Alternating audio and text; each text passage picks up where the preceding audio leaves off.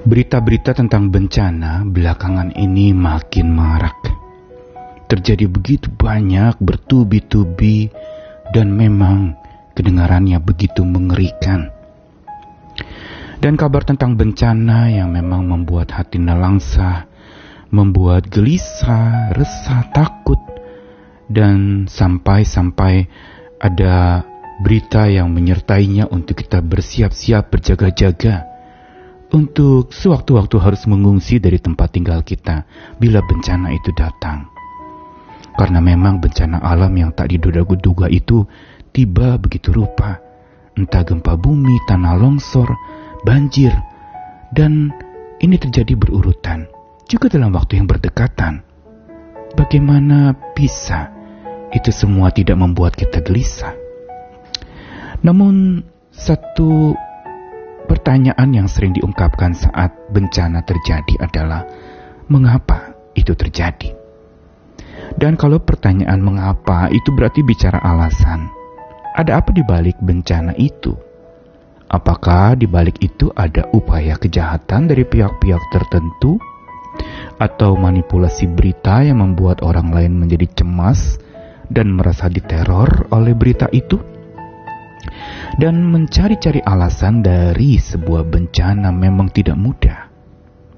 Tetapi sebagai orang percaya yang meyakini dan mengimani bahwa Tuhan memegang kendali atas segalanya, kita sebenarnya dipanggil untuk melihat rencana Tuhan di balik bencana. Sehingga sebagaimana judul dari renungan kita hari ini berencana atau rencana mau mengajak kita untuk melihat bagaimana caranya kita memandang ada rencana Tuhan di balik bencana yang terjadi. Saya Nikolas Kurniawan menemani di dalam Sabda Tuhan hari ini dari kitab Yehezkiel pasal 7 ayat 5, ayat 7 dan ayat 26 sampai 27. Beginilah firman Tuhan Allah, lihat bencana demi bencana akan datang. Malapetaka datang atasmu, hai penduduk negeri. Waktunya datang, saatnya tiba. Hari huru hara bukan tempik sorak di atas gunung-gunung. Bencana demi bencana akan datang, kabar demi kabar akan tersiar mereka akan menginginkan suatu penglihatan dari nabi, pengajaran hilang lenyap dari imam, dan nasihat dari tua-tua. Raja akan berkabung dan pemimpin akan diliputi kekagetan, dan tangan seluruh penduduk negeri itu menjadi lemas ketakutan. Aku akan perbuat terhadap mereka selaras dengan tingkah lakunya, dan aku akan menghakimi mereka selaras dengan cara mereka menghakimi. Dan mereka akan mengetahui bahwa akulah Tuhan.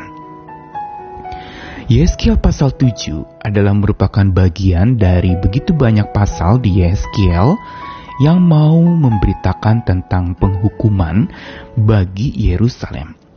Sebuah kota tempat di mana orang Israel beribadah. Boleh dikatakan pusat ibadah mereka adalah di Yerusalem.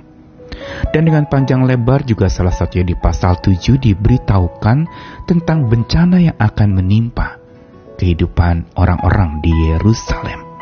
Ada malapetaka, dan kabar demi kabar itu tersiar. Bencana demi bencana itu akan datang. Dan tentu saja ungkapan di dalam Yeskiel pasal 7 ini kalau mau dibaca ayat demi ayatnya mulai ayat 1 sampai 27 akan tampak tulisan yang memberitahukan tentang Allah yang membalas.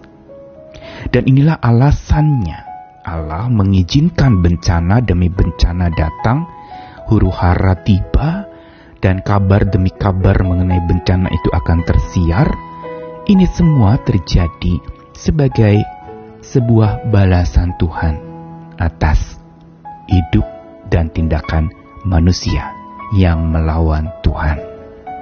Namun yang menarik adalah bahwa pembalasan Tuhan yang merupakan alasan diberikannya atau diizinkannya bencana terjadi menimpa manusia, bukan sebuah balasan seperti balas dendam. Seolah kita berpikir karena Tuhan diperlakukan tidak adil atau Tuhan tidak disembah atau Tuhan dinomorduakan, maka bencana itu datang. Dan ketika Tuhan lalu memberikan bencana itu, kita menganggapnya Tuhan balas dendam. Padahal bukan itu.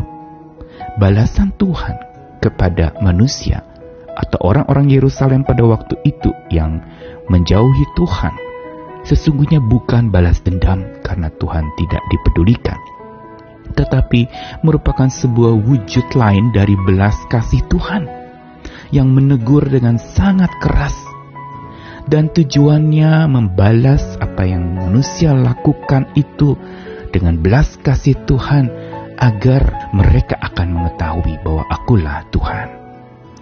Yaitu Tuhan yang punya alasan ketika bencana itu diizinkan terjadi. Alasannya untuk sebuah pembalasan. Tapi pembalasannya berlandaskan belas kasihan kepada manusia agar manusia kembali kepada Tuhan.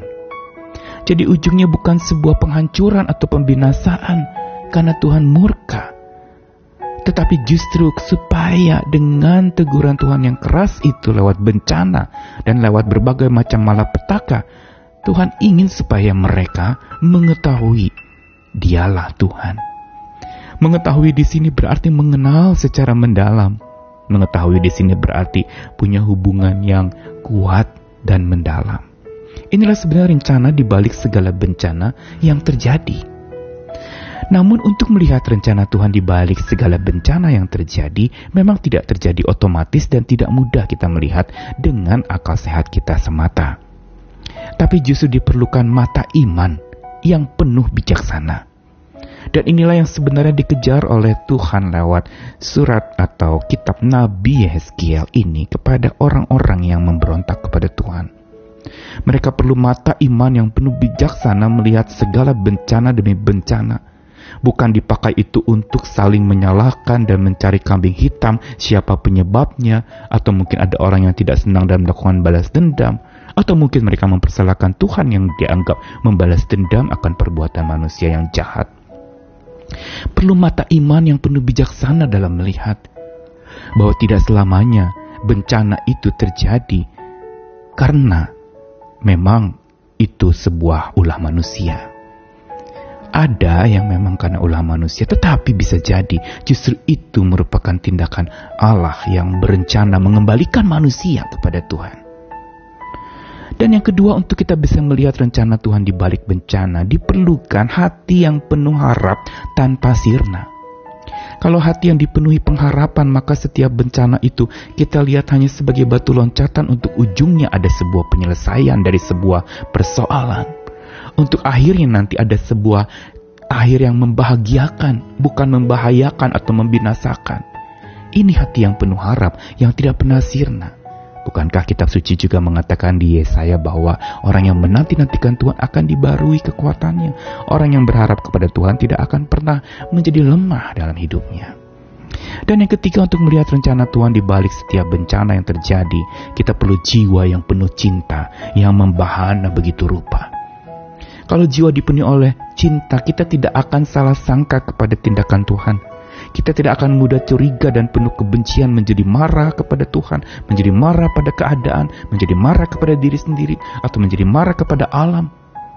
Tidak karena jiwa penuh cinta, dan karena cinta itu membahana dengan luar biasa dan sangat perkasa, maka jiwa yang penuh cinta akan melihat bencana justru menjadi cara tegur Tuhan untuk supaya seseorang bisa hidup kembali dalam cinta yang benar, hidup di dalam kasih Tuhan, dan punya hubungan yang dekat dengan Tuhan, hubungan karib yang penuh cinta kasih. Karenanya mari kita belajar untuk melihat atau mendengar segala rencana Tuhan di balik segala bencana yang terjadikan dan untuk itu perlu mata iman yang penuh bijaksana, hati penuh harap tanpa sirna dan jiwa penuh cinta yang selalu membahana. Selamat mencari dan menemukan rencana Tuhan di balik segala bencana yang terjadi sambil berharap terus Tuhan akan berkarya untuk pemulihan satu komunitas, pemulihan setiap pribadi dan pemulihan kita semua. Tuhan mengasihi kita sekalian. Iman, harap, dan kasih selalu menjadi kekuatan kita untuk melangkah bersama dengan Dia. Amin.